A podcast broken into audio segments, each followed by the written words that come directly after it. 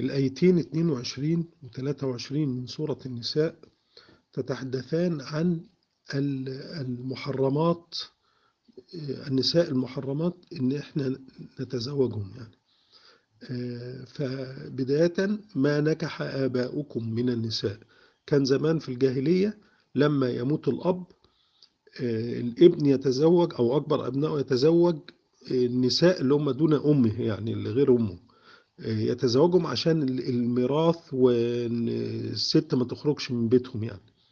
فالآية دي فيها نهي ولا تنكحوا ما نكح آباؤكم من النساء إلا ما قد سلف. خلاص اللي حصل في الجاهلية ده عفى الله عنه يعني. لكن من بعد كده لا يحل.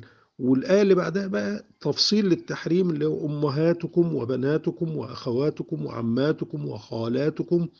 وبنات الأخ وبنات الأخت وأمهاتكم اللاتي أرضعنكم وأخواتكم من الرضاعة وأمهات نسائكم وربائبكم اللاتي في حجوركم من نسائكم يعني بنات زوجتك من من حد تاني بس تكون مربيهم وتكون دخلت بأمها فلا تحل لك البنت يعني.